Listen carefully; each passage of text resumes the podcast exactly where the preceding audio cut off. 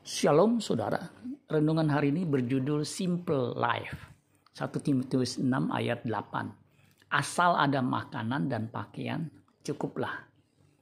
Ada seorang rohaniawan memberi tips hidup sederhana sebagai berikut. Asal di rumah ada beras, otak masih waras, perut keras, dan masih bisa kerja keras. Tetapi di ayat tersebut di atas, Rasul Paulus mengajarkan simple life hidup sederhana dengan satu kalimat singkat. Asal ada makanan dan pakaian, cukuplah. Kebutuhan minimal manusia adalah makan, minum, dan pakaian. Gaya hidup sederhana yang diajarkan Paulus sebenarnya berasal dari kehidupan Kristus.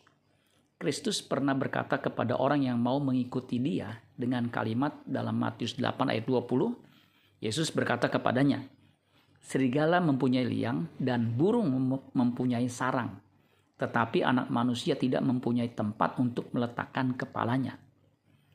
Kristus hidup sederhana, lebih sederhana dari standar manusia pada umumnya. Ia tidak punya rumah, tempat permanen untuk tinggal. Bagaimana bisa hidup seperti itu?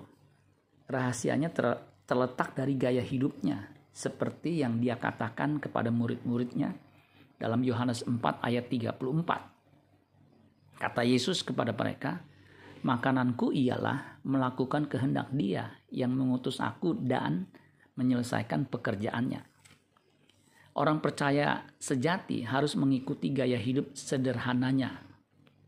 Jika orang percaya masih bergaya borjuis atau hedonis, maka ia tidak dapat menjadi muridnya.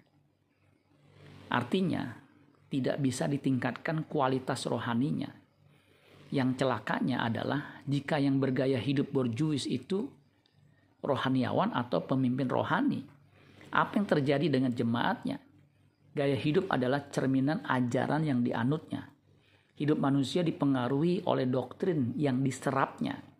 Inilah tantangan Injil Kristus di zaman now yang marak dengan gaya hidup hedonisme Itulah sebabnya nasihat sederhana Rasul Paulus kepada anak rohaninya sangat relevan untuk diikuti oleh orang percaya zaman now.